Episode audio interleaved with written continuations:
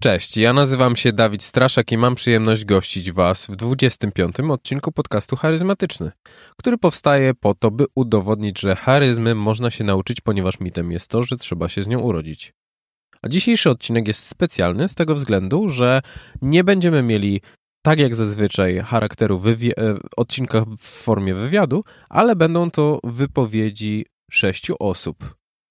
Co je będzie łączyło?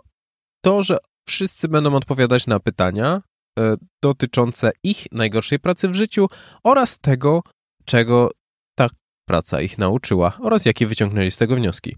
Jest to już druga część tej serii. E, poprzednie historie możecie usłyszeć w odcinku numer 14. Ale do rzeczy. E, w dzisiejszym odcinku usłyszycie Krzysztofa Kępińskiego z podcastu Porozmawiajmy o IT który opowie o wyznaczaniu granic w pracy, zarówno czasowych, jak i tych dotyczących obowiązków. Krystian Zych z podcastu Jak zrobić podcast oraz Co się czyta o toksycznych osobach w miejscu pracy.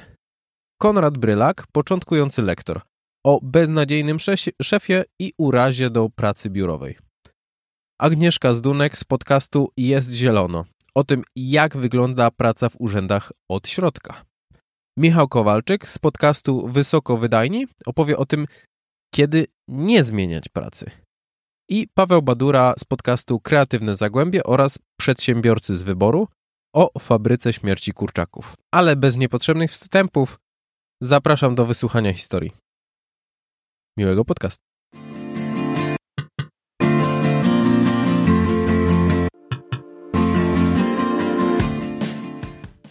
Cześć. Tu Krzysztof Kępiński z podcastu Porozmawiajmy o IT. Na co dzień zajmuję się tworzeniem aplikacji webowych od strony technologicznej i procesowej. Na swoim koncie mam już kilkanaście różnych prac w różnych obszarach.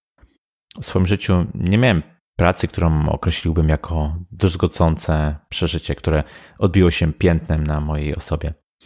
Myślę, że nawet najgorsza praca może nas czegoś nauczyć. Jak choćby organizacji, dyscypliny, odpowiedzialności, czy w ostateczności tego, że nigdy w życiu nie chcemy tego już robić. Cierpienie może być silną motywacją i taka praca w efekcie może nas zmotywować do pracy nad sobą, powiększania kompetencji i tak byleby tylko nie wracać w to samo miejsce, byleby tylko się rozwijać i pójść dalej.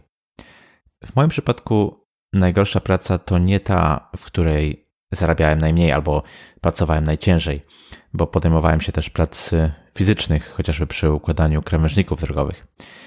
Praca, z którą mam najgorsze wspomnienia, to praca, która kosztowała mnie najwięcej stresu.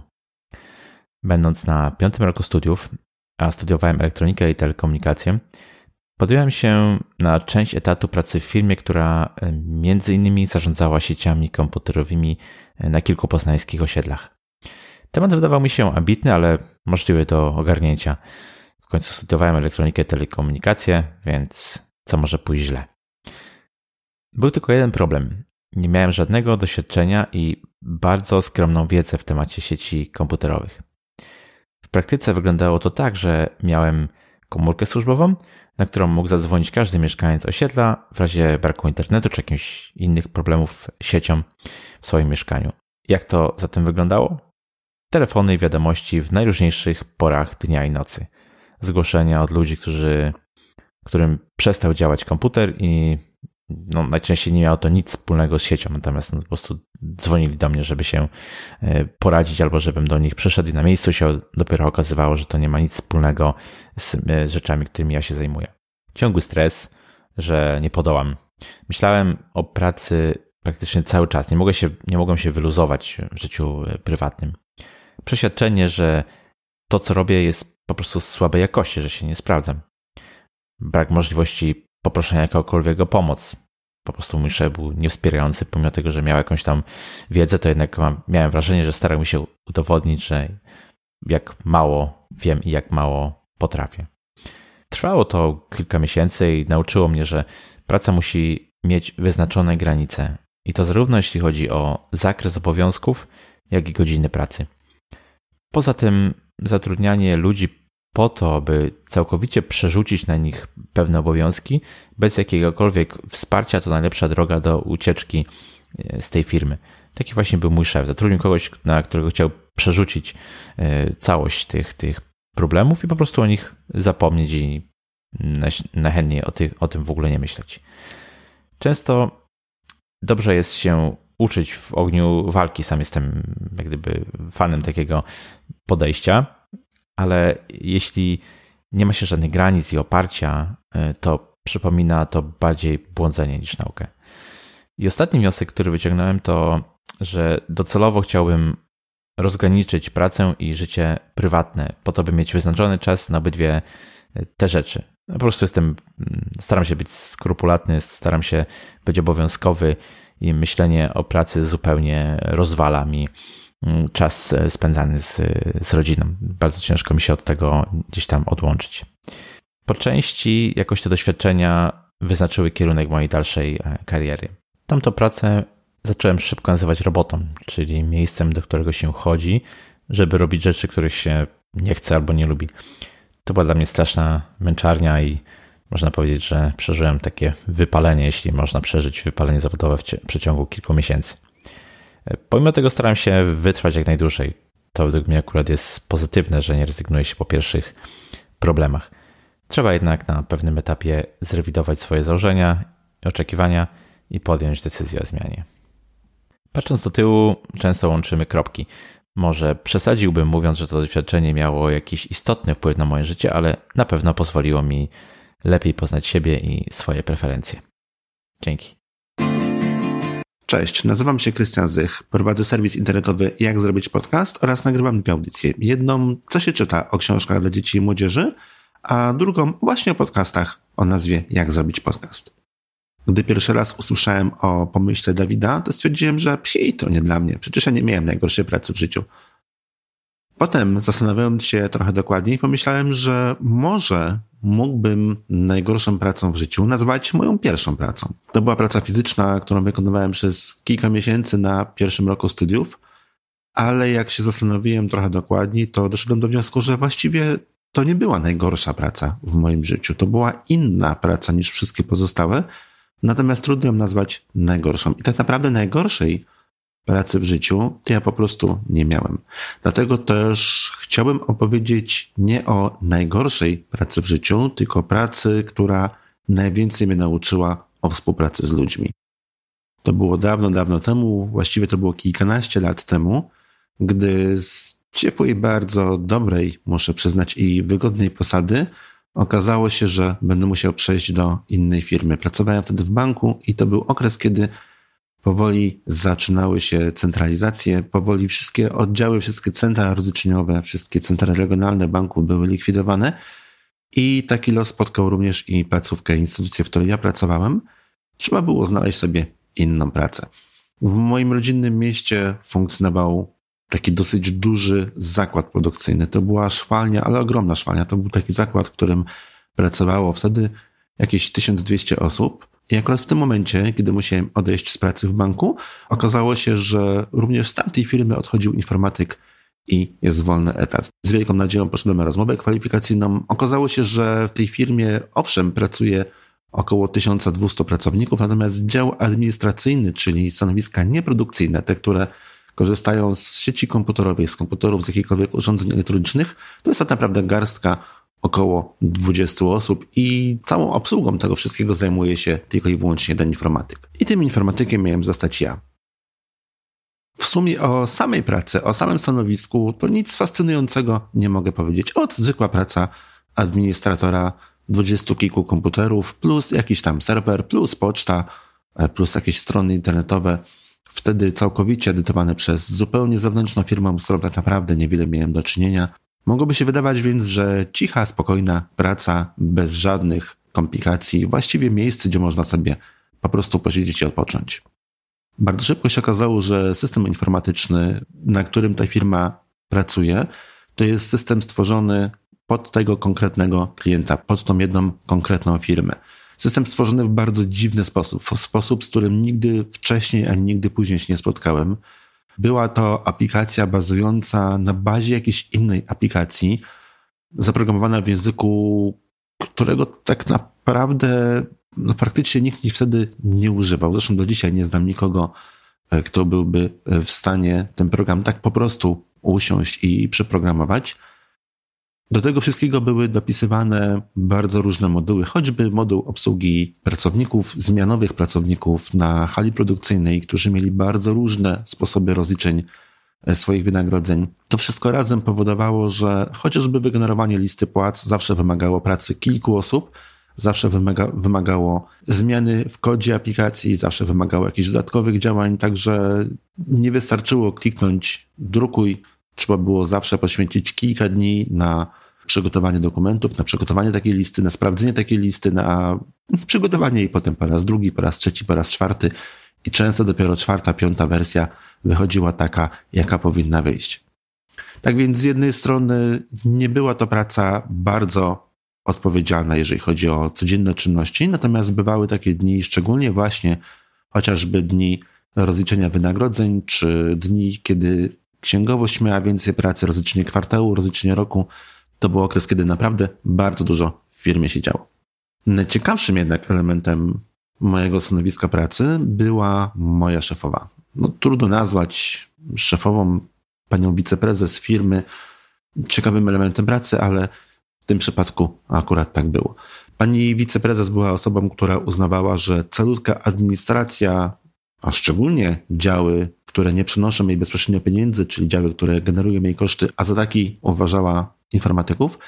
Są to działy całkowicie zbędne i powinno się ich wszystkich po kolei zlikwidować i zastąpić ewentualnie w drodze wyjątków jakimś zewnętrznym outsourcingiem. Tak więc no, łatwo się domyślić, że moje relacje z panią prezes wcale nie były takie dobre i po pierwszych kilku dniach pracy, kiedy cała euforia związana z nowym stanowiskiem pracy opadła, okazało się, że osoba, z którą najtrudniej się współpracuje, z którą najgorzej się rozmawia i z którą tak naprawdę nic nie można załatwić, to jest bezpośredni przełożony.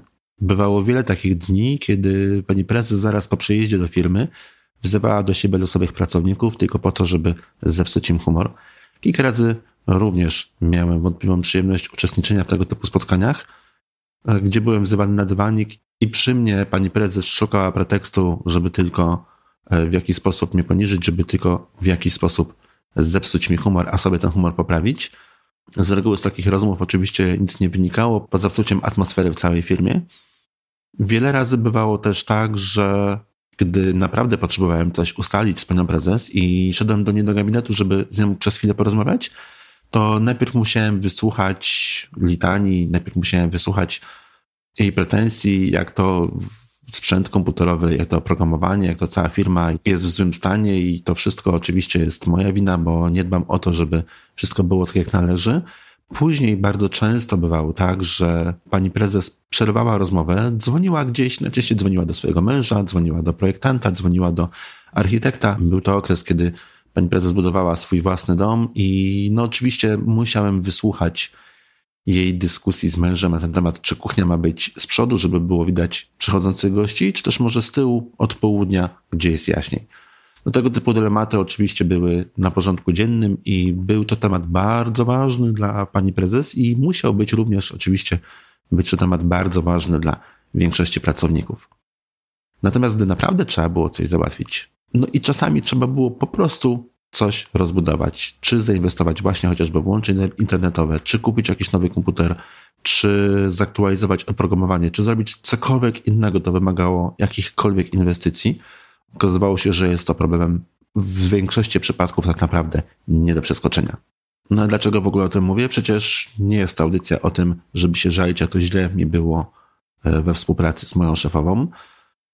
Mówię to dlatego, że była to pierwsza tak bardzo toksyczna osoba, z którą spotkałem się w moim życiu zawodowym. Była to pierwsza osoba, z którą współpraca była praktycznie w ogóle niemożliwa. Była to pierwsza osoba, od której byłem uzależniony, ponieważ miałem umowę na czas określony, które nie mogłem rozwiązać, mimo tego, że naprawdę bardzo mi na tym zależało.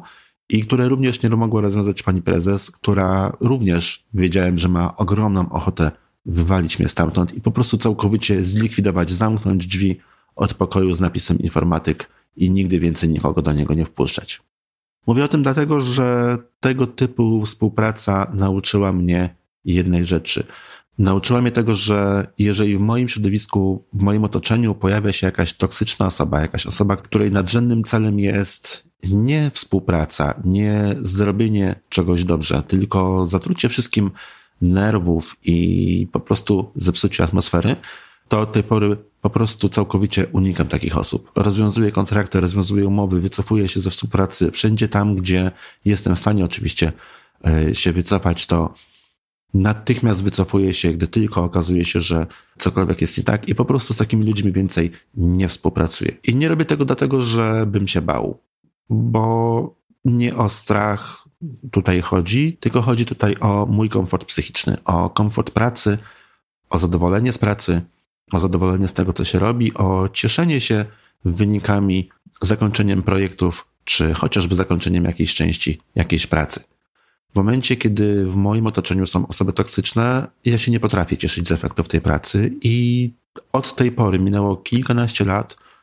To było chyba w 2003 e, roku, więc od tej, pory, od tej pory minęło już właściwie 15 lat. Ja przez te 15 lat w ogóle nie współpracuję z osobami toksycznymi. Właśnie dlatego, że komfort pracy, moje samopoczucie, moje zadowolenie z tego, co robię, jest dla mnie dużo ważniejsze niż jeden klient czy też jedna umowa. Nie współpracuję z osobami toksycznymi. Co mógłbym Wam poradzić? Co Wy moglibyście wynieść z mojego doświadczenia? Chciałbym również i Was przestrzec przed osobami, które które po prostu są toksyczne, których nadrzędnym celem jest zepsucie drugiej osobie humoru, a nie doprowadzenie projektu do końca, a nie poprowadzenie projektu w taki sposób, w jaki projekty powinny być prowadzone. Współpraca z takimi osobami nigdy nie przyniesie Wam e, żadnego pożytku, poza pożytkiem finansowym, ale weźcie pod uwagę jedną rzecz. Nigdy nie jesteście związani tylko i wyłącznie z jedną firmą. Nigdy nie jest tak, że tylko i wyłącznie jedna firma, czy też jeden klient, czy też jedna osoba jest w stanie zapłacić Wam za Waszą pracę. Dlatego też naprawdę najlepszą rzeczą, jaką można zrobić dla własnego komfortu psychicznego, dla przyjemności pracy, dla przyjemności robienia rzeczy naprawdę fajnych, to po prostu unikać, unikać za wszelką cenę ludzi toksycznych. A niestety trochę takich osób wokół nas jest.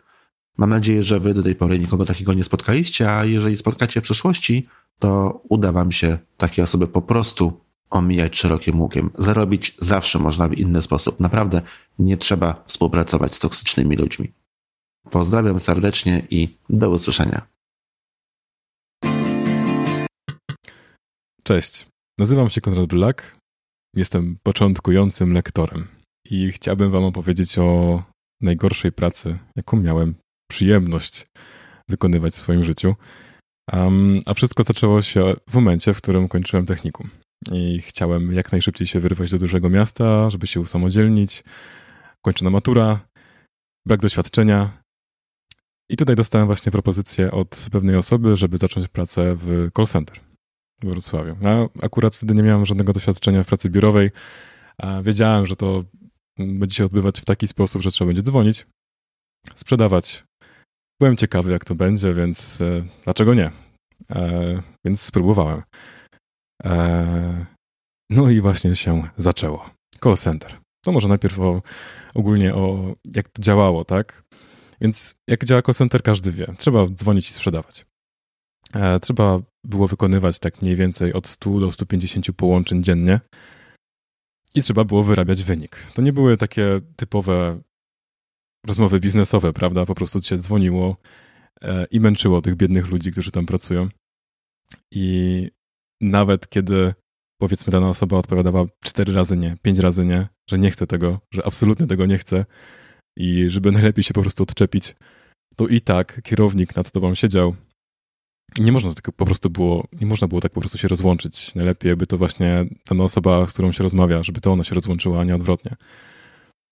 Także tutaj było ogromne ciśnienie i e, żeby ten wynik osiągnąć, żeby dzwonić jednak e, i wymuszać właściwie na tych, na tych ludziach, e, żeby coś, cokolwiek zamówili. Niektórzy byli faktycznie zainteresowani. To, to było super, że jak trafiło się na taki telefon, w którym, z którym, w którym można było normalnie faktycznie porozmawiać, nawet się pośmiać, to było takie, to była taka ogromna ulga, można powiedzieć. Ale przez większość dnia męczarnia. Tak mniej więcej to można byłoby opisać. Druga sprawa, która już trochę, trochę bardziej mnie zabolała, to kierownik. I tutaj proszę sobie wyobrazić, 20 osób pracuje. To nie była duża firma. To pracowało około 20, 20 osób właśnie. Na te 20 osób było dwóch facetów, oczywiście w tym ja. A kierownik naskarcił, tak, że, że nie można się odwracać, nie można rozmawiać. A co robił? No był takim hipokrytą, można powiedzieć, bo sam podchodził do, do dziewczyn, a było ich całkiem sporo, jak przed chwilą powiedziałem, e, i te, które, im, te, które się mu podobały, zagadywał. Śmiał się z nimi, żartował, zagadywał jak tam życie. Niektóre z tych osób e, były jego znajomymi, z którymi tam pracował wcześniej. Ale wiadomo, prowadził normalne rozmowy, starał się jakoś tam śmieszkować z nimi i tak dalej. Um, a inne osoby, które zaczynały czuć taką lżejszą atmosferę, też się odwracały tam do innych, chciały coś tam zagadać, od razu automatycznie dostawały komentarz, że tak nie wolno robić. Także takie, no, pojawiał się taki mały dysonans, e, że kurczę, ale jak to? Tak, takie, takie pytania, pytania wpadały do głowy. Um, z kierownikiem. Kierownik wydawał mi się takim po prostu ciężkim człowiekiem trochę. Niezrozumiałem dla mnie i z tego, co się orientuję, te wszystkie rzeczy, które robił, podpadały pod mobbing. um, trzecia rzecz, która zabolała mnie najmocniej, to był dyrektor, który był odpowiedzialny za sprzedaż usług danego, danego call center. E, co się stało? Okazało się, że chcieli mnie przeszkolić, bo prawdopodobnie miałem chyba zbyt, zbyt niskie wyniki sprzedażowe. E, wziął mnie ten dyrektor na dywanik. I to było najlepsze, że faktycznie wchodzę tam do, do tego, powiedzmy, gabinetu. Kazał mi usiąść, puścił mi jedno z przygotowych nagrań. Jak się okazało, ten dyrektor wcale, ale to wcale nie był przygotowany do tej rozmowy. Puścił nagranie, e, puścił pierwszy fragment, czyli powiedzmy te, te podstawowe przywitanie. E, dzień dobry, mam na imię tak i tak, jestem z firmy takiej i takiej. E, czy byłaby Pani zainteresowana tym i tym? Na co ta osoba oczywiście odpowiada, że nie, że nie jestem zainteresowana. Tu pauzował nagranie i od razu mówi: Konrad, teraz powinieneś powiedzieć tak i tak. To jest absolutne minimum i tak powinieneś to powiedzieć, ponieważ e, tutaj miałbyś największe prawdopodobieństwo sprzedaży, bo tak się robi wynik, e, bo tak powinno się robić ogólnie. Tak, no, siedzę taki, no, no, no skarcony troszeczkę i czekałem po prostu na dalszy rozwój wydarzeń. Um, I czekałem po prostu na, na, na, jego kolejną reakcję. No to puścił te nagranie e, znowu, puścił play, leci kolejny fragment i co się okazuje? Powiedziałem dokładnie to, to co on mi przed chwilą powiedział. I on takie wielkie zdziwienie, o co chodzi, okej, okay, dobra. E, potwierdził, że spoko, dobra, e, fajnie, fajnie to powiedziałeś, dobra. E, leci dalej kolejny fragment. Znowu e, klientka powiedziała nie. I znowu zatrzymał i znowu zrobił to samo, czyli znowu skarcił, znowu powiedział, że powinienem zrobić tak i tak. E, I kolejna instrukcja, i kolejne e, utrwalone skrypty sprzedaży, które po prostu pozwoliłyby na osiągnięcie niesamowitych wyników sprzedaży. No to okej, okay, no dalej siedzę, już taki trochę bardziej pewny siebie, a zobaczymy, co się stanie. Puścił fragment, włączył, włączył play, cisnął ten przycisk, no i co się okazuje? Że powiedziałem dokładnie to samo, co on powiedział. Ja tak, a, no dobra, czyli e, w tamtym momencie po prostu pomyślałem sobie, nie, to chyba po prostu trzeba z tym skończyć. Straszne miejsce, straszna praca. Ludzie pod względem organizacyjnym, w sensie ten cały management, kompletnie nieprzygotowany do tego. E, byłem kompletnie zmęczony psychicznie. Szczególnie właśnie po, po tamtej rozmowie z, z tym głównym dyrektorem. Um, tak, moja, moja przygoda z tym call center nie była na szczęście długa. E, stwierdziłem, że stwierdziłem po trzech miesiącach, że, że no nie wytrzymam tam dłużej. Wnioski przyszły później. W sensie były dwa wnioski. Pierwszy wniosek przyszedł wtedy, kiedy zrezygnowałem z tej pracy. I wniosek był taki, że po prostu nigdy więcej call center. A drugi wniosek przyszedł dopiero później, kiedy znalazłem nową pracę. E, I tutaj, że jak jak mówiłem wcześniej, nie miałem absolutnie żadnego doświadczenia w pracy w biurach, więc e, wyrobiłem sobie taki obraz tego, że tak może faktycznie wyglądać w kolejnej pracy. Drugi wniosek przyszedł taki, że wcale tak nie jest, że można znaleźć fajnie normalną pracę z normalnymi ludźmi, z normalnymi kierownikami, którzy nie patrzą ci na plecy. Także to była taka strasznie duża ulga, e, kiedy zmieniłem tą pracę właśnie. Już nie na call center oczywiście, ale um, też na biurową, ale już nie musiałem dzwonić do nikogo, nikogo zmuszać do rozmów. Także tak. To jest moja historia, to jest moja najgorsza, najgorsza praca w życiu. Dziękuję bardzo. Cześć, tu Agnieszka z Dunek z podcastu Jest Zielono. Najgorsza praca w moim życiu? Hmm. Nie chodzi e, nawet o konkretne miejsce, w którym pracowałam, tylko o wszystkie instytucje państwowe, samorządowe, miejskie i uniwersytety, na których lub z którymi pracowałam. A pracowałam i w małych wiejskich gminach, i w Urzędzie Dużego Miasta, i na Uniwersytecie Państwowym, no i w ministerstwie.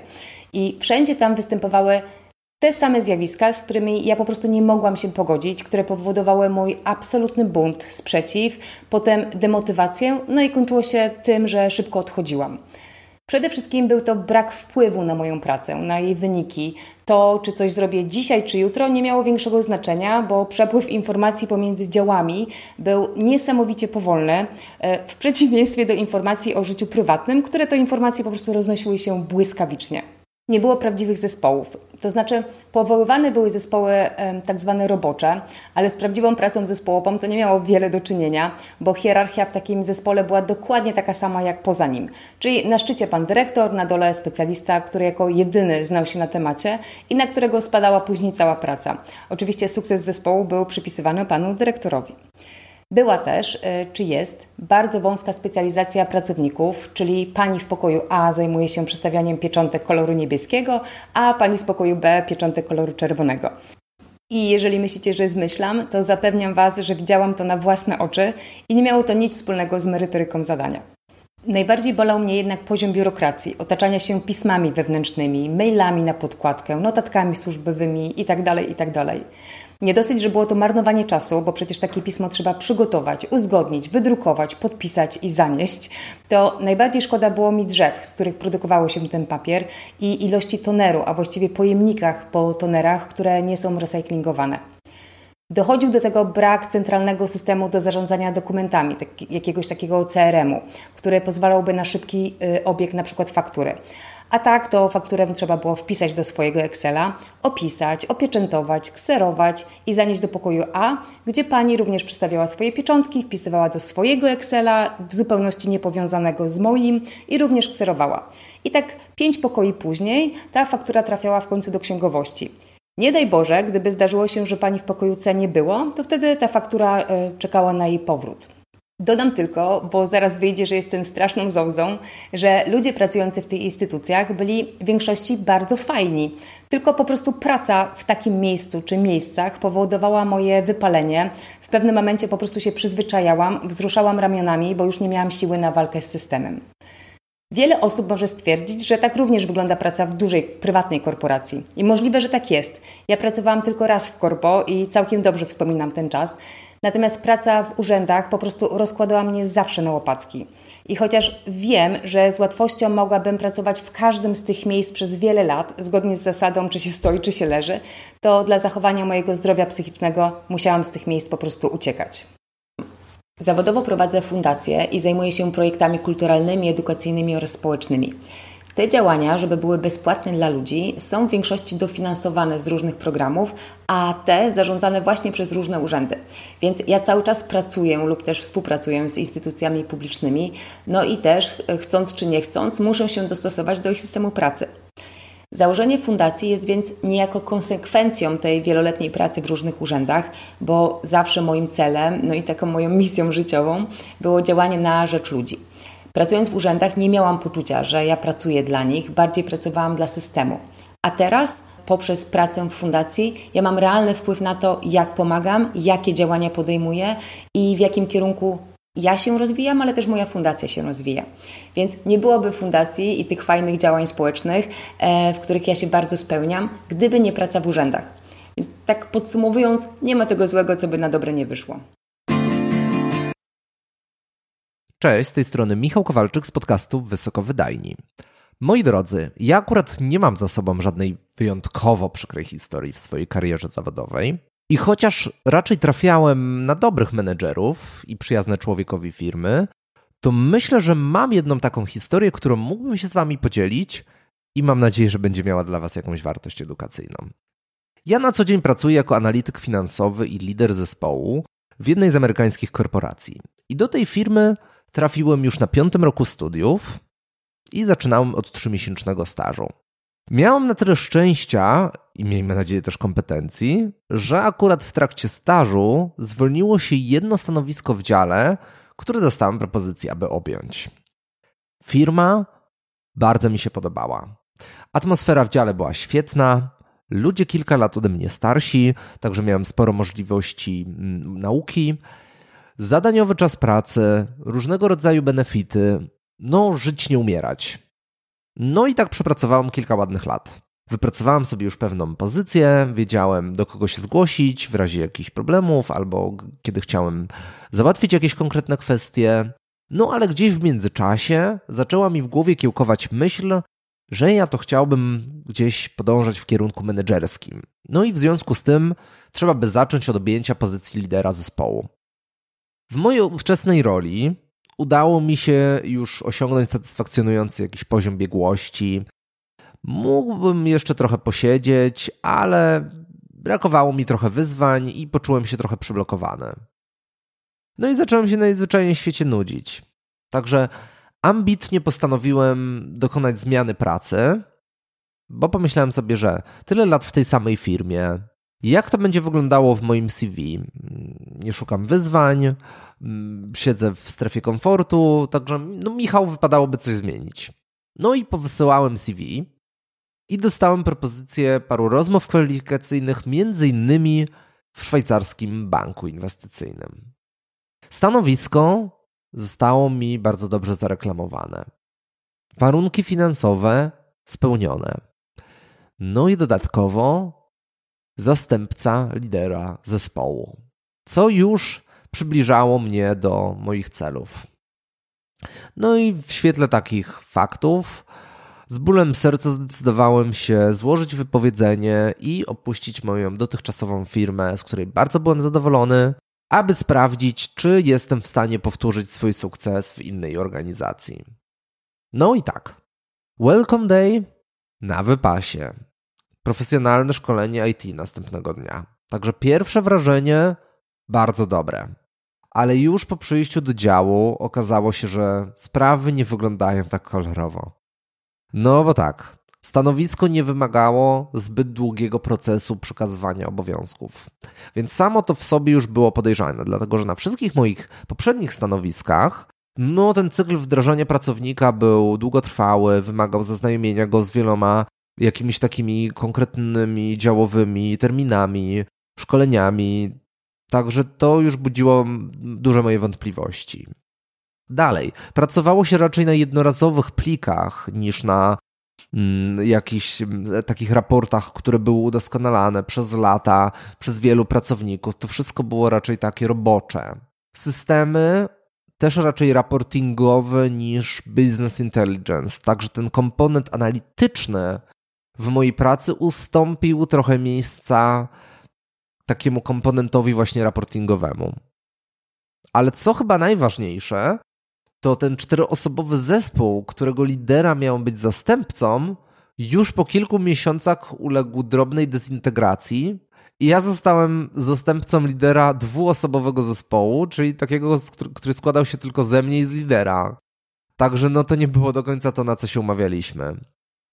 Co jeszcze to atmosfera pracy nie sprzyjała za bardzo integracji pracowników. Każdy był raczej zapatrzony w swój monitor, a rozmowy w kuchni przy kawie raczej ograniczały się przede wszystkim do wymiany takich służbowych informacji. No i już po paru miesiącach nie łudziłem się dłużej, że będzie inaczej i że praca na obecnym stanowisku zdecydowanie nie przybliża mnie do mojego celu zawodowego. Także co mi pozostało, to zupdate'owałem CV, stwierdziłem, że się porozglądam, ale bez większego pośpiechu. Żeby to dobrze wyglądało w CV, rok wytrzymam, chyba że pojawi się coś fajnego na horyzoncie, no i wtedy ewentualnie to rozważę. No i moi drodzy, historia skończyła się w ten sposób, że trafiłem na bardzo interesującą propozycję objęcia stanowiska lidera zespołu w mojej poprzedniej firmie. W dziale, którego menedżerem jest mój były team leader, przez co udało mi się w końcu zrealizować mój cel zawodowy, do którego dążyłem właśnie przez parę ostatnich lat. Jestem z tego powodu bardzo zadowolony. Jako lider mam inicjatywę, mam dużo możliwości, mogę pomagać innym, rozwijać się jako analityk. Także no, ruch na pewno świetny, atmosfera w dziale też bardzo dobra.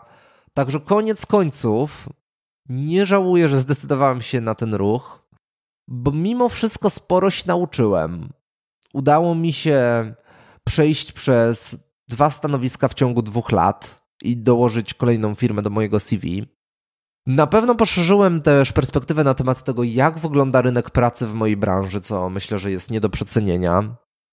No i na własnej skórze nauczyłem się doceniać wagę kultury korporacyjnej, bo uwierzcie mi, że kultura korporacyjna u giganta technologicznego z Doliny Krzemowej jest zupełnie inna niż w szwajcarskim banku inwestycyjnym.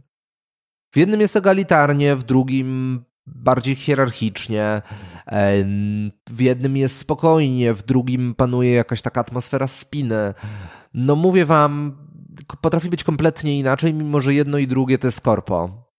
No i chyba przede wszystkim doświadczyłem tego, jak ważne jest dla mnie w pracy nawiązywanie głębokich relacji, bo mimo tego, że praca analityka finansowego przede wszystkim skupia się na wyliczeniach i na prezentowaniu danych, ale moją przewagą konkurencyjną na rynku pracy jest to, że ja się potrafię dobrze komunikować, że mam umiejętności miękkie, że potrafię prezentować, że potrafię jakoś motywować zespół, a w środowisku, w którym nie jestem w stanie tych moich przewag konkurencyjnych zaprezentować, zwyczajnie nie jestem w stanie się wyróżnić. A to nie jest gra, w którą ja gram. Także moi drodzy, wydaje mi się, że lekcja, jaka z tego płynie, to jest to, żeby nie zmieniać nic na siłę. I jeśli praca w obecnej firmie Wam się podoba, jeżeli atmosfera w dziale jest, jest dla Was satysfakcjonująca, to wykorzystajcie może najpierw możliwości, które macie tam, zamiast na siłę próbować coś zmienić, bo może trawa u sąsiada wcale nie jest bardziej zielona. No i też właśnie zastanówcie się, jakie są Wasze przewagi konkurencyjne i bądźcie świadomi tego, albo sprawdźcie to, czy w, na, w stanowisku w innej firmie albo w innym dziale będziecie mieli możliwość je wykorzystać, dlatego że jeżeli nie będziecie mieć takiej możliwości, to moim zdaniem nie będziecie usatysfakcjonowani. No i to byłoby chyba na tyle. Mam nadzieję, że komuś moja historia może wydać się interesująca i przydatna. Dziękuję i zapraszam do słuchania wysokowydajnych. Pozdrawiam.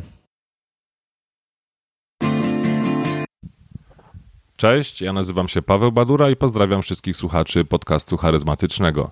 Dzisiaj chciałbym Wam opowiedzieć o najgorszej pracy w moim życiu.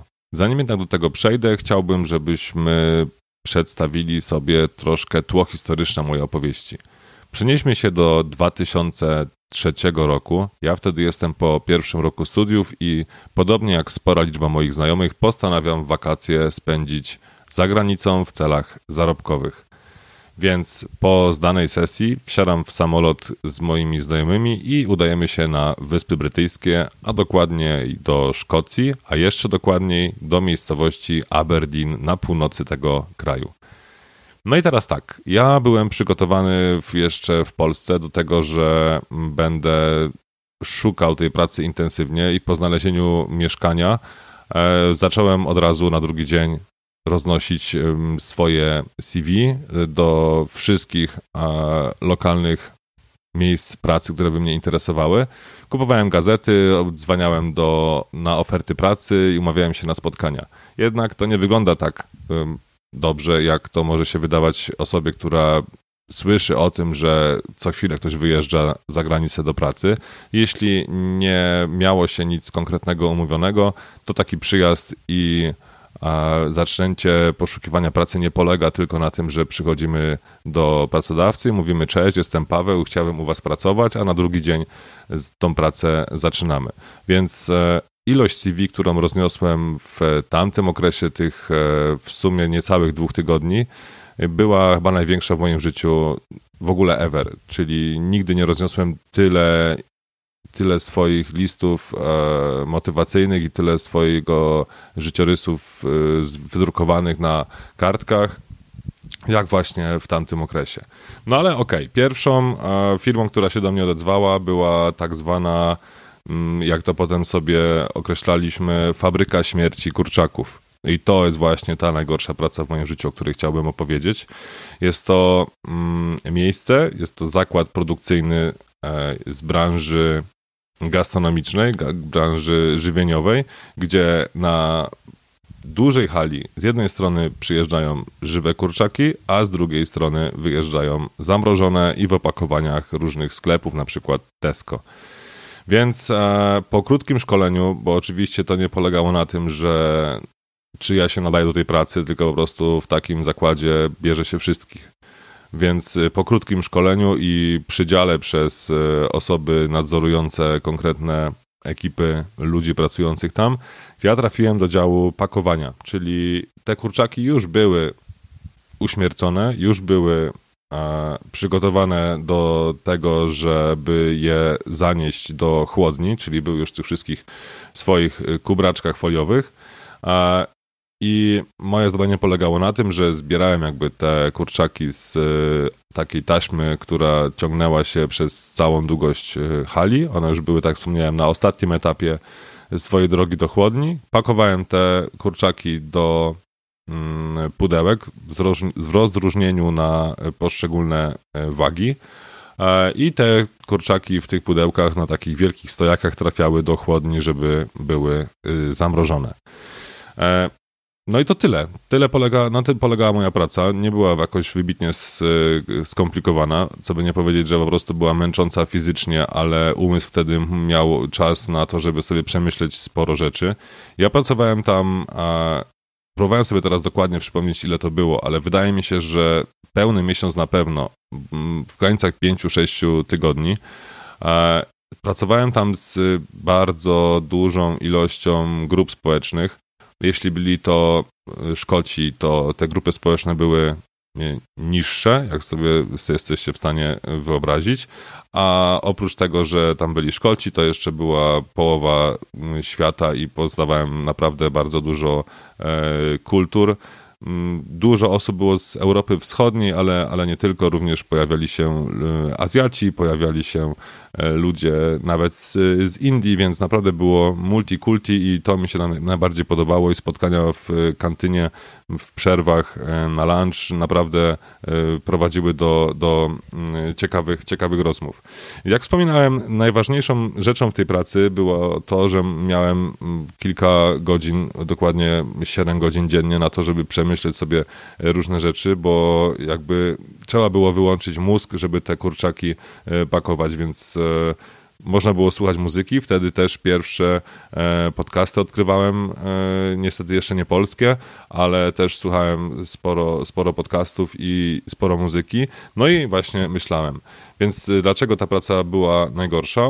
Ona była najgorsza ze względu na to, że tak, niekiedy się słyszy, że ktoś bierze pracę w McDonaldzie po to, żeby się dowiedzieć, że nigdy więcej tam nie chce pracować. To podobnie było u mnie.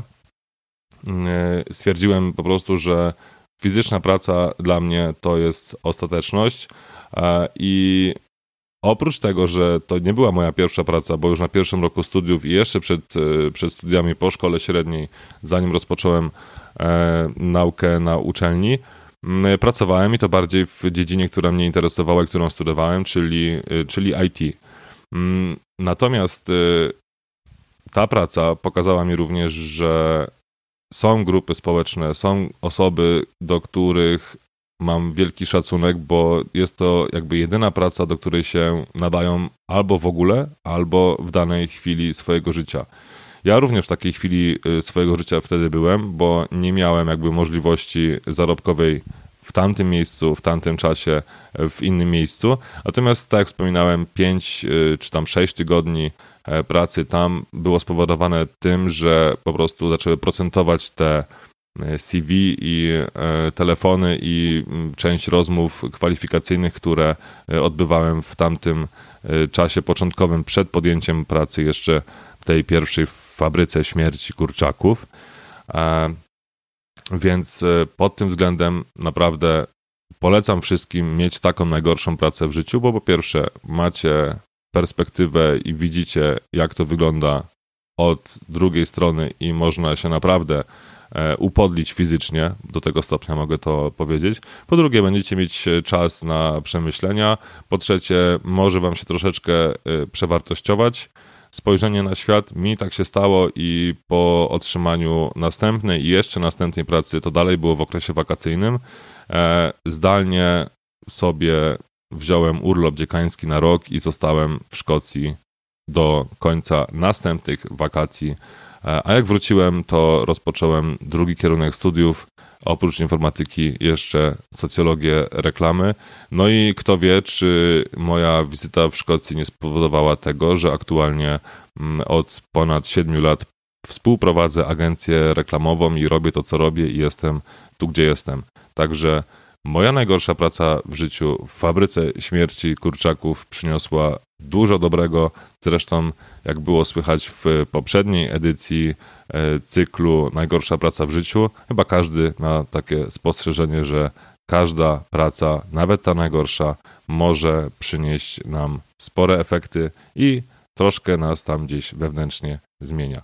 Pozdrawiam wszystkich serdecznie i do usłyszenia. I jak Wam się podobały najgorsze prace w życiu w tym odcinku? Powiem wam, że to, co dla mnie jest najbardziej zaskakujące za każdym razem, jak bardzo takie pojedyncze wy wy wydarzenia wpływają na resztę naszego życia. I tym samym chciałbym też was zachęcić do tego, żebyście podzielili się z, e, ze mną czy ze słuchaczami swoimi najgorszymi e, pracami w życiu. Jeżeli ktoś chciałby o niej opowiedzieć, to, to zapraszam do kontaktu. Możecie też albo nagrać je w formie audio, albo po prostu opisać w postaci maila i ja odczytam je w podcaście. Wystarczy odpowiedzieć na dwa pytania. Jaka była moja najgorsza praca w życiu i czego mnie to nauczyło, albo jakie wnioski wyciągnąłem, czy wyciągnęłam. To tyle z mojej strony. W takim razie słyszymy się w następnym odcinku. Do usłyszenia. Cześć.